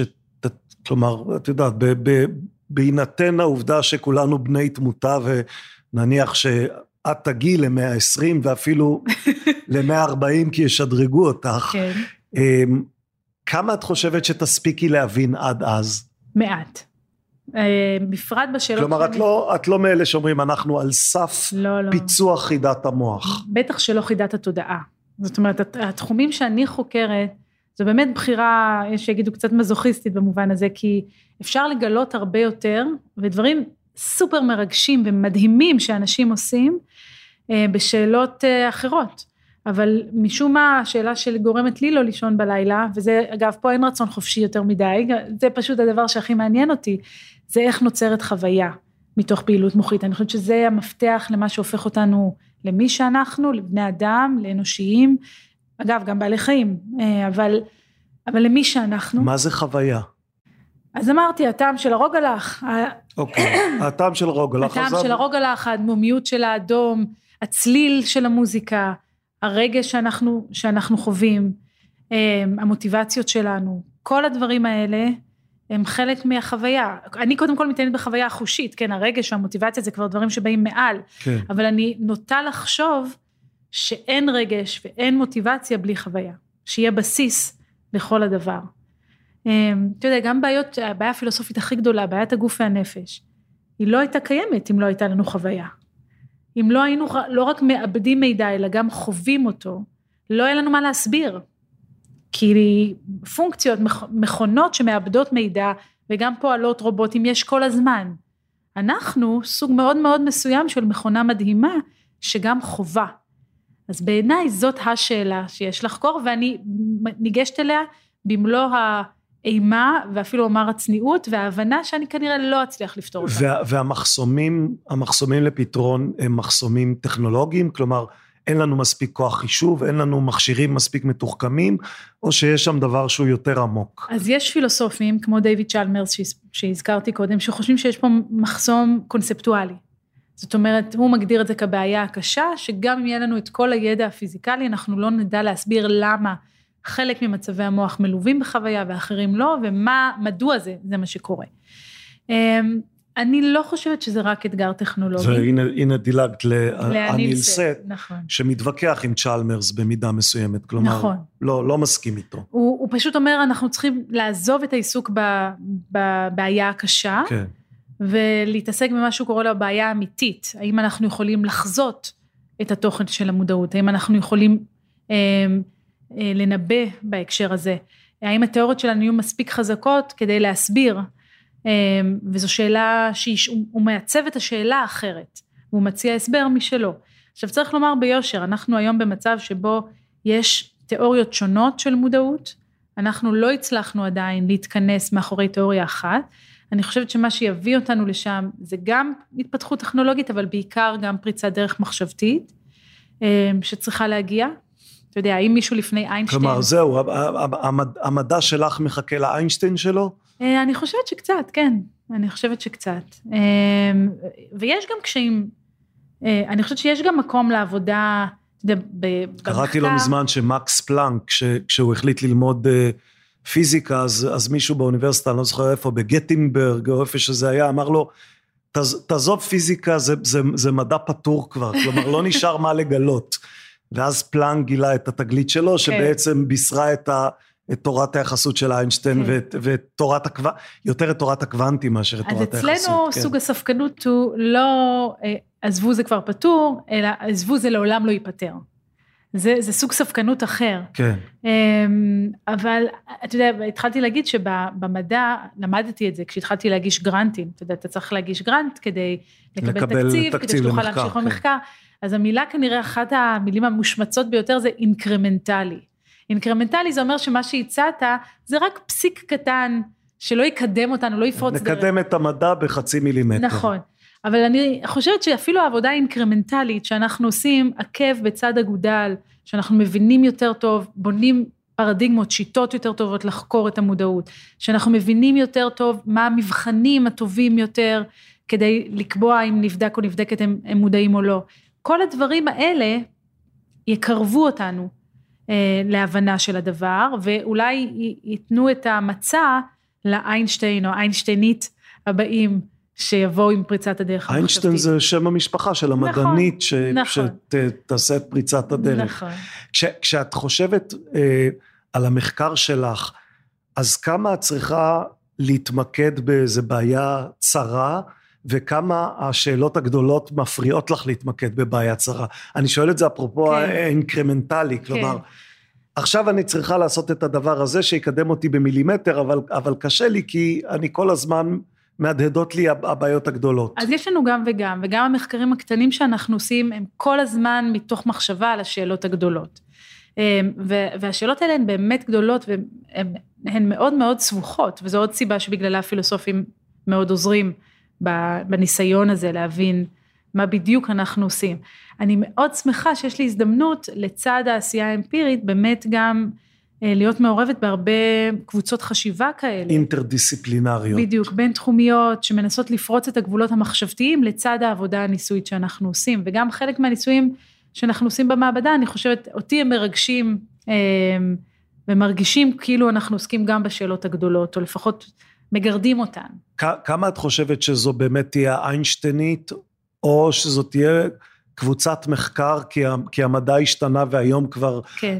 הגאון הבודד הוא לא, הוא לא הפתרון לשום חידה. אז הזכרתי את כריסטוף קוך, שאצלו עשיתי את הפוסט-דוקטורט, וכריסטוף עזב את האקדמיה והלך לעמוד בראש מכון פרטים, מכון אלן, ששם עובדים מאות מדענים ומדעניות ביחד, כדי אה, לפתור את השאלה, להתקדם, בזמנו הם אמרו שהם רוצים לפתור את שאלה של ראייה בעכבר מרמת המולקולה עד רמת המוח השלם, אני לא יודעת, היום כבר הם עושים עוד דברים אחרים, אבל התפיסה של כריסטוף אז הייתה שהמדע זקוק למהפכה תעשייתית, שאנחנו לא נוכל לפתור שאלות גדולות בקבוצות קטנות, ואנחנו חייבים נהיה לעבוד בקבוצה, לשים את האגו שלנו בצד, אז אני לא יודעת עד כמה זה באמת הרעיון, אבל אה, אצלי באופן אישי אני גם אה, מובילה יחד עם שני, עוד שני חוקרים קבוצה בינלאומית גדולה שמנסה להכריע בין שתי תיאוריות של מודעות, או לפחות לאתגר את שתי התיאוריות האלה. אה, אני גם חברה בקבוצה של פילוסופים וחוקרי מוח שרוצים ביחד לעבוד כדי לפתור, הזכרתי את אורי מעוז, הוא מוביל את זה, לעבור, לפתור שאלות של רצון חופשי. כמה, כמה זה שגרתי? כי אני, אני שומע מלא מעט אנשי אקדמיה איזה דיבורים על זה שהאקדמיה היא כמעט מכשול ל, ל, לרב תחומיות, כלומר האקדמיה בנויה ממחלקות ובמחלקות נכון. אתה צריך לפרסם בתחום מסוים כדי להתקדם בתחום שלך ואם תתחיל, תתחיל להתפזר מה, מה, מהמוח לפילוסופיה אז לא נכון. תתקדם לא במוח ולא בפילוסופיה. נכון ואני שמחה להגיד לך שגם אני הייתי חברה באקדמיה הצעירה עד שאני הייתי לא צעירה יותר אמ, שהיא גוף בת של האקדמיה. עברת לאקדמיה הצעירה ברוחה. כן. זה, זה גוף בת של האקדמיה הלאומית למדעים, ואחת המטרות שלנו שם הייתה לעודד מחקר בינתחומי, ויש שם אה, סדרה של, של מפגשים שעושים את זה, קבוצה אחרת של אנשים שהיו בעברם באקדמיה הצעירה, אבל כבר לא, ביחד איתם אה, בין השאר אה, מיכל בר אשר סיגל ויוסי יובל ובינה קליסקי, מיכל פלדמן,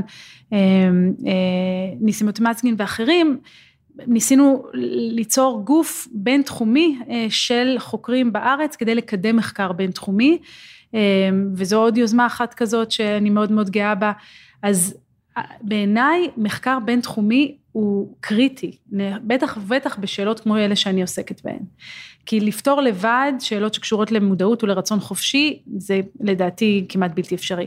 צריך שם גם אנשים, בכלל בחקר המוח, כן, צריך גם פילוסופים, צריך גם מדעי המחשב, צריך גם פיזיקאים, צריך ביולוגים, צריך פסיכולוגים. צריך גם אנשי ספרות?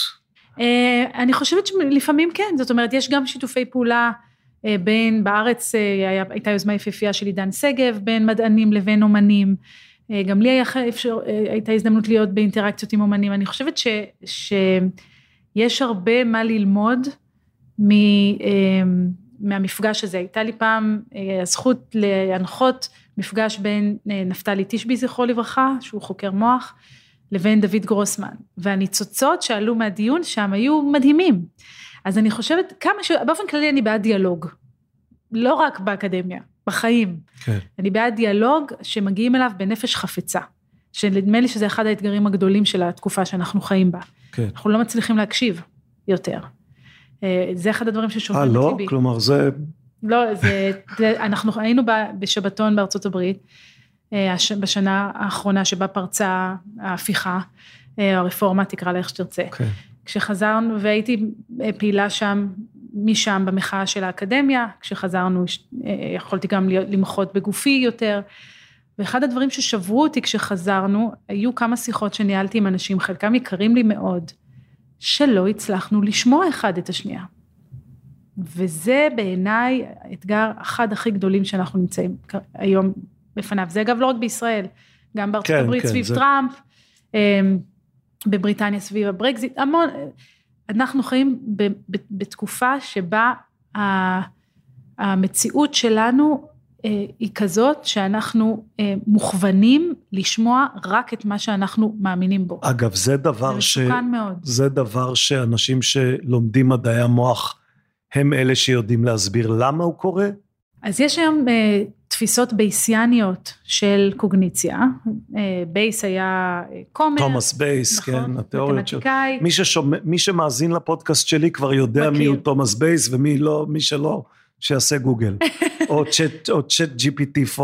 ואחד הדברים ש, ש, שבייס בעצם, שבהשראתו, הוא לא הגיע לשם בכלל, אבל בהשראתו התפתחו תיאוריות של אה, קוגניציה ושל מוח, שמנסות להסביר את ההתנהלות שלנו בעולם כמפגש בין ה prior שאנחנו מגיעים איתו, ה evidence, האמנה המוקדמת. האמנה כן. המוקדמת, התבניות שיש לנו, אמ, ה evidence, העדויות שאנחנו אוספים מהעולם, זה מוליד את מה שבייס קרא לו posterior, כלומר איזושהי תמונת מציאות שהיא מורכבת בין מה שחשבנו לבין מה שאנחנו רואים. הבעיה הגדולה שאנחנו רואים היום במציאות שבה אנחנו חיים, זה שאנחנו, ה evidence שאנחנו אוספים הוא כבר בעצמו, ה evidence שאנחנו אוספים הוא כבר בעצמו מוכתב prior.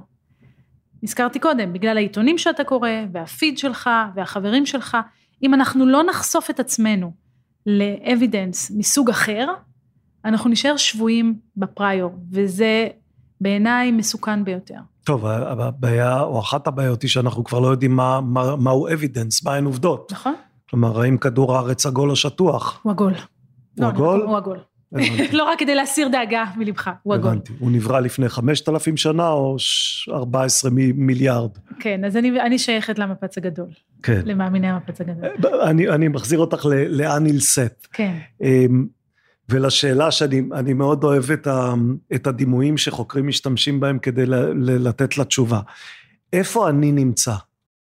אמ, אז זו שאלה מצוינת, ובספר שלו שאמרנו נקרא Being You, אה, הניל בעצם מנסה, הוא, הוא מאמץ את החשיבה הבייסיאנית. את מכירה הזאת. אותו, אני מבין. כן, אה, הוא כן. חוקר אה, בתחום שלנו, גם עזר לי הרבה, ואני אני מאוד מאוד מעריכה אותו. אמ, והוא מנסה להסביר מודעות, עצמיות ורצון דרך התפיסה הזאת הבייסיאנית.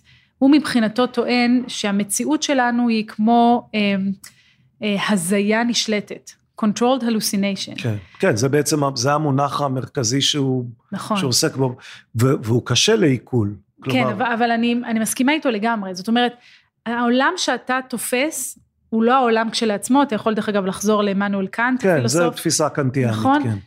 אנחנו בונים את המציאות כל הזמן. זה מפגש בין מערכת העצבים שלנו לבין הנתונים הפיזיקליים של העולם. ואנחנו מושפעים ממה שלמדנו וממה שאנחנו מצפים לו. אה, וגם העצמי, לפי הניל סט, הוא אה, מודל כזה, הוא בנייה. אנחנו מקבלים גם סימנים מהגוף, אה, ואנחנו מפרשים מתוכם ויוצרים מתוכם דמות של עצמי, שהיא האני שאתה אה, מתאר כאן. כן, אז איפה, אז איפה אני נמצא? כלומר, אני יודע שיש כל מיני מחקרים שאמרו, האדם מרגיש שהוא נמצא כמה סנטימטרים מאחורי העיניים שלו. כן, אה, אני לא יודעת איפה אני, אני נזהרת מלהגיד, אני לא, אני לא חושבת שהאני נמצא, במובן הזה, על אף שאני לא אה, אה, מחסידי דקארט, כי אני לא דואליסטית, דקארט אמר שהנפש לא תופסת מקום בחלל, ודברים חומריים תופסים מקום בחלל. כן.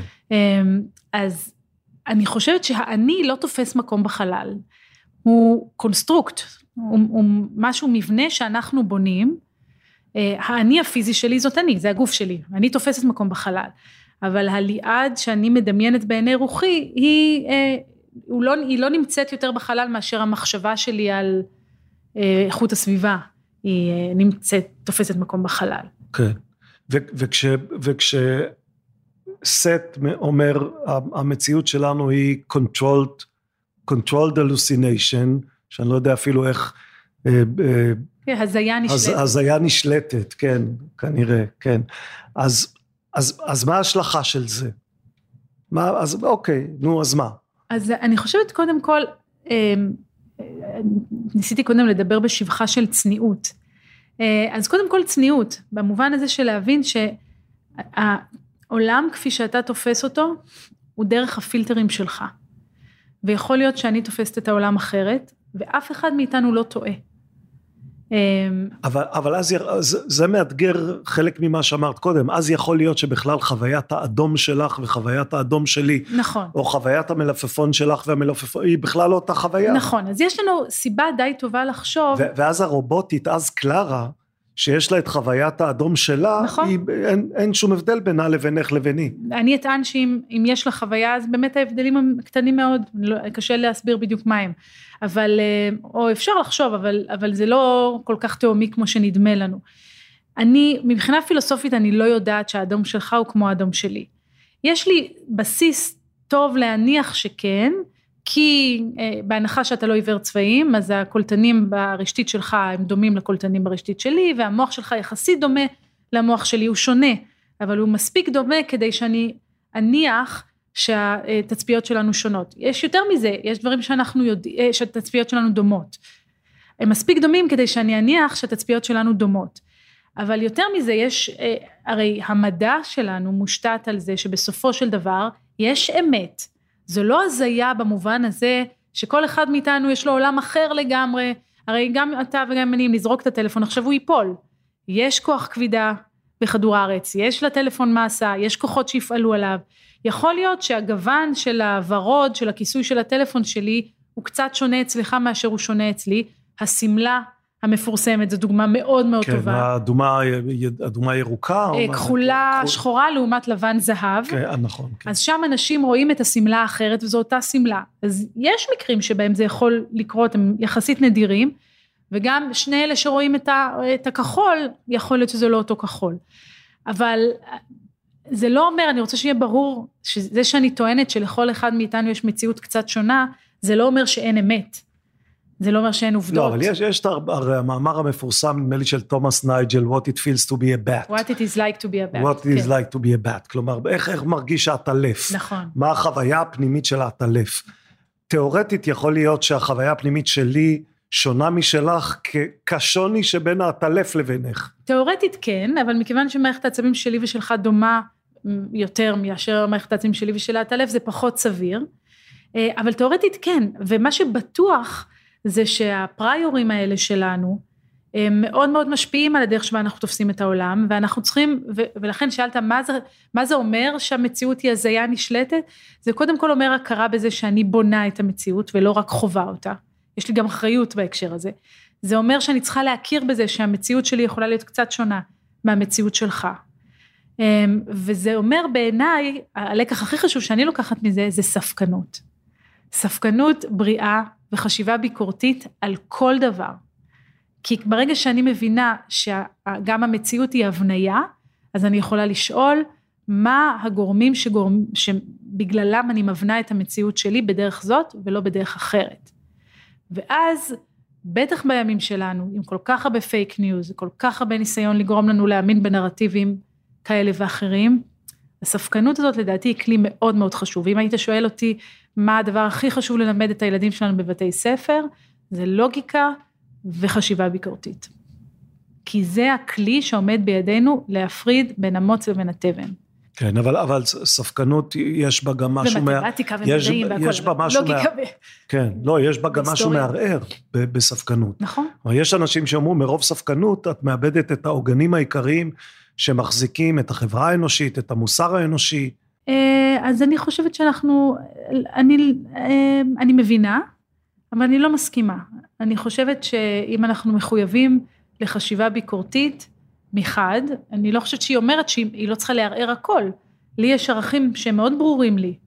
ואני חושבת שהקושי הכי גדול, והוא גם חשוב, זה להטיל ספק בדברים שהם אה, משרתים את החשיבה שלי, בדברים שהם תואמים לערכים שלי. זה קשה מאוד, באמת זה קשה. אבל אני חושבת שצריך לנסות לעשות גם את זה. כן. מה האתגר הכי גדול שמונח על שולחנך כרגע כחוקרת? אמ, אז אני אמ, הזכרתי קודם את הקבוצה הזאת של החוקרים וחוקרות שמנסים, אמ, יש לנו פרויקט שנקרא Cogitate, שבו אנחנו יחד עם שני חוקרים שפיתחו שתיים מהתיאוריות המובילות היום בתחום של חקר התודעה, ביחד איתם הצבנו ניסויים והם נתנו לנו השערות לגבי התוצאות של הניסויים האלה, שיבחנו את התיאוריה שלהם, והכל רשום מראש ופומבי, כדי שהם לא יוכלו אחר כך להתחרט. מה שלא אומר שהם לא יתחרטו אחר כך. כן, זהו, כלומר, כלומר בעצם את, את קובעת מראש, אתם לא תוכלו לקחת את התוצאות האלה ולעשות איתן משהו אחר, כי אם תעשו משהו אחר, אז נחשוד שהמשהו האחר הוא כבר איזה... אז הם יכולים, והם כבר קצת עושים, אבל, הם, אבל אנחנו גם מראים מה הם אמרו לפני שהתוצאות היו ידועות. ועכשיו כל אחד יכול לעשות מה שהוא רוצה עם הפער בין מה שאמרו לפני לבין מה שאומרים עכשיו. ודניאל קנמן, אה, זוכה פרס נובל, שמייעץ לנו בפרויקט הזה, הוא הזהיר אותנו מראש מ-15 נקודות ה-IQ שנוספות בדיעבד. כן. בדיעבד אתה הרבה יותר חכם, אתה יכול להסביר למה הניסוי הזה בעצם הוא לא טוב, אבל לפני נתת לנו השערות, ועכשיו אנחנו יכולים אה, לבחון אותן. עכשיו הניסוי הזה, הפרויקט הזה הוא פרויקט מורכב, הוא בהרבה מאוד מובנים. מה, מה מטרתו לבדוק? אז מה, יש שתי תיאוריות בודק? של מודעות, אחת ה-Global Neuronal Workspace, שהיא תיאוריה שטוענת שהמודעות מתאפשרת באמצעות רשת שבעיקרה נמצאת באונה הקדמית, והאונה הפריאטלית והפרונטלית. פשוט מנסה להיזכר, הקודקודית, זה פריאטלית בעברית זה קודקודית, אז כן. הקדמית והקודקודית. ורק כאשר מידע נכנס לרשת הזאת ומשודר על פני כל המוח, אז אנחנו מודעים לו, ולא רק מאבדים אותו בצורה לא מודעת. התיאוריה השנייה, Integrated Information Theory, זו תיאוריה מאוד שנויה במחלוקת. אמ, לאחרונה אפילו בעקבות התוצאות שלנו הראה עוד יותר מחלוקת. אמ, והיא טוענת, היא, היא, היא תיאוריה אחרת קצת, כי היא מתחילה מאקסיומות, אקסיומות לגבי אמ, מה צריך לאפיין כל חוויה מודעת, ואז היא שואלת איך צריכה להיות בנויה מערכת שתממש את האקסיומות האלה. ואנחנו בעצם בנינו שני... אבל יש בממד הפיזיולוגי יש הבדלים, כן, אז היא... ואיך המוח כן. עובד בתיאוריה הזאת, נכון, בתיאוריה האחרת? אז היא טוענת שדווקא המבנים המוחיים שישרתו את המודעות, הם צריכים להיות באחורי המוח ולא בקדמת המוח. יש גם הבדלים בין שתי התיאוריות לגבי איך חוויה מודעת צריכה להיות משומרת על פני זמן. אה, אז יש לנו כל מיני תחזיות שונות מה, מהתיאוריות האלה ואנחנו מנסים אה, לבחון מה מהתחזיות האלה מתעמתות ויותר חשוב מה מהתחזיות האלה נכשלות. כן. בניסוי הראשון שכבר ניתחנו אנחנו בעצם הצלחנו לאתגר את שתי התיאוריות, כלומר שתי התיאוריות נתנו לנו פרדיקציות שנכשלו. אה, וזה פרויקט מאוד מורכב, כלומר, המודעות שלנו היא לא בקדמת המוח ולא מאחורי המוח. או שגם וגם. צריך לחפש אותה באף, כנראה. או שגם וגם. לא, אז, אז תראה, מה שברור לי היום זה שאנחנו נמצאים במצב כרגע של תיאוריות של מודעות, לא רק שתי, שתי אלה, אלא גם תיאוריות אחרות, זה שאנחנו עדיין קצת בחיתולי התהליך, ויש הרבה דברים שעדיין לא מפורשים בתיאוריות האלה, דור, דורשים ברור, ואני מקווה שהתוצאות של הניסויים האלה יעזרו לנו אה, לשפר את התיאוריות, ויחד עם קבוצה אחרת אני מנסה בכלל לנסות למצוא את המכנים המשותפים לתיאוריות ולראות אם אנחנו יכולים לייצר משהו היברידי אה, שיקח אותנו למקום אחר בכלל. אז... זה נשמע קצת כמו, כאילו, כמו פשרות של פוליטיקאים. אה, יש לנו שתי תיאוריות, בואו נמצא את המכנה המשותף. אז יש יותר משתיים, אה, אנחנו התמקדנו בשתיים האלה, או פשרות או זיקוק אמיתות, תלוי איך תסתכל על זה, אבל בפרויקט הזה בטח ובטח שנדרשה הרבה יותר פוליטיקה מאשר היכולת שלי הייתה לתת, אה, בהרבה מאוד מובנים. אנחנו... אז זה כרגע הדבר שאולי הכי מאתגר. ואת חושבת ש... כלומר, בתהליך הזה כן נגיע לסיכום? כלומר, בסוף תוכלי לומר, עוד שנתיים תוכלי לומר לי, המודעות שלך היא לא. בקודקודית או עוד, בעורף? לא, עוד שנתיים בטח שלא. הלוואי, הלוואי שבעוד עשרים שנה. הבנתי. לא, לא בסדר, אז, אז, אז הנה נתת את התחזית שלך, שאני יכול לומר, זה... עם הלוואי, עם הלוואי. עם הלוואי, כן. כן. כן. כן. אה, אתה יודע שזה אה, תחום שהוא יחסית צעיר, התחום הזה. אמנם השאלות האלה כבר נמצאות איתנו מקדמת דנא, והיו גם חוקרים שהתעסקו בזה, אבל מה שהתניע בהרבה מאוד מובנים את התהליך, הייתה סדרת מאמרים של כריסטוף קוך שציינתי קודם, יחד עם פרנסיס קריק, אחד מזוכי פרס נובל על גילוי המבנה הדו-גדילי של ה-DNA. נציין גם את רוזלינד פרנקלין, אה, שלא קיבלה את הפרס, אה, מתה לפני, אבל היה לה חלק משמעותי. אה, אבל המאמרים האלה בעצם אמרו, מודעות היא תופעה פיזיקלית, ואנחנו צריכים לחקור אותה. אי אפשר להמשיך להשאיר את זה בצד.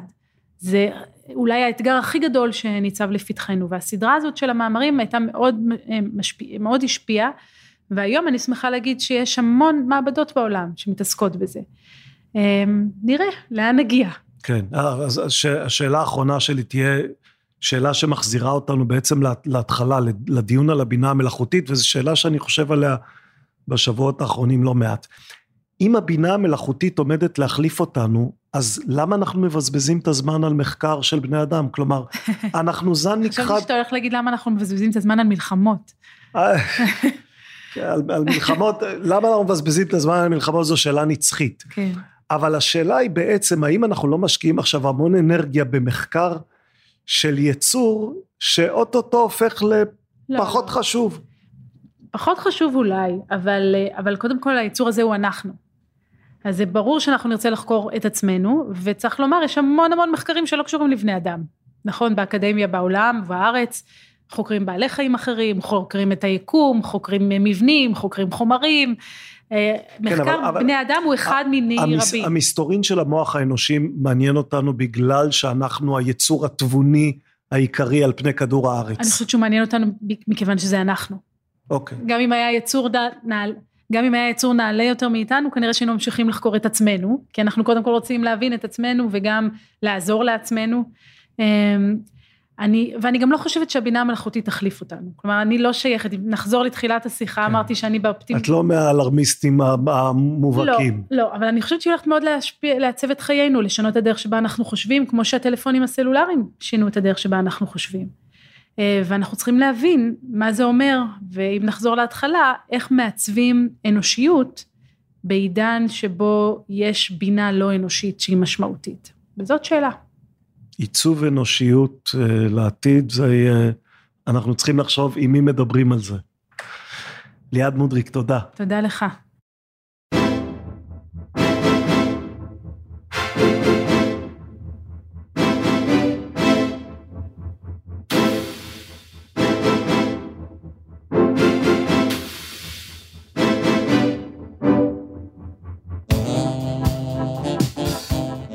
הכיפות והשועל מקווים שהייתה לכם שעה שקטה, מקווים שנהניתם. אולי שמתם לב, אולי הבחנתם בכך ששלושת הפרקים האחורים של ההסכת מתחברים בהרבה מאוד נקודות השקה.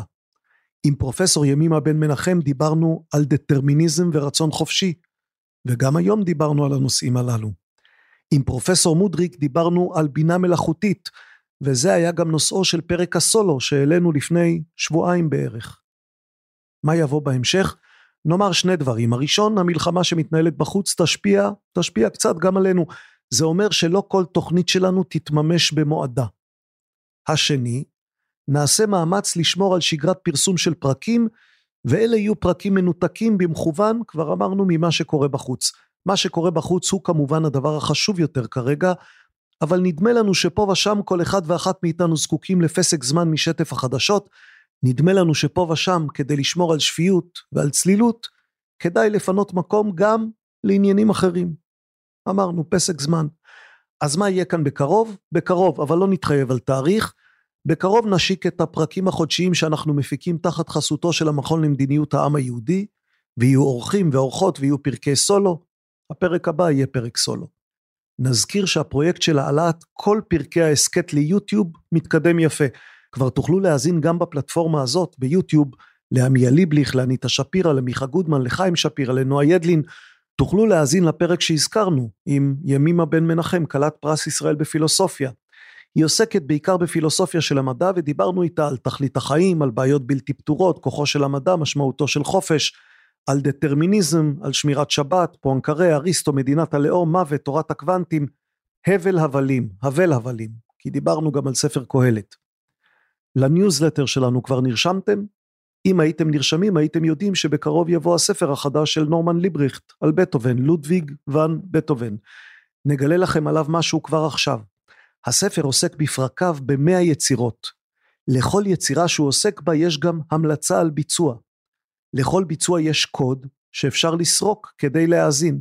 זה יקרה כשתרכשו את הספר כאשר הספר יצא. אבל אם מתחשק לכם להאזין למיטב יצירותיו של בטהובן, ממיטב המבצעים, כפי שנבחרו על ידי נורמן ליבריכט, אם מתחשק לכם לעשות את זה, אתם כבר יכולים לעשות את זה.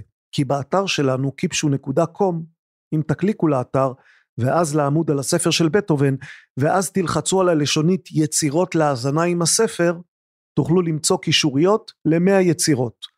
מאה יצירות לפי פרקי הספר. אז אם אתם מחפשים לברוח קצת מהחדשות, גם מוזיקה של בטהובן זו דרך לא רעה. בעיניי מומלצת. סדרת ההסכתים הכיפות והשועל נעשית בשיתוף עברית, אתר התוכן הספרותי הגדול בישראל המציע לקרוא בכל דרך, ספרים דיגיטליים, קוליים ומודפסים. תודה לדולב אזולאי מעברית שמסייע לנו. יעל לוינובסקי מפיקה ועורכת את ההסכת. תודה יעל. מה נאמר עכשיו? שיחזור השקט, שתחזור השגרה, שיחזרו אפילו המריבות הטיפשיות על דברים שלא נגמרים בשפיכות דמים. שתחזור השלווה, שיחזור השלום.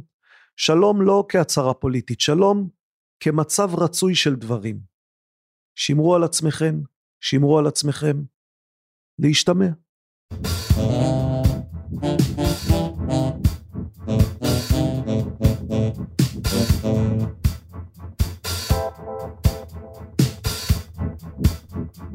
Thank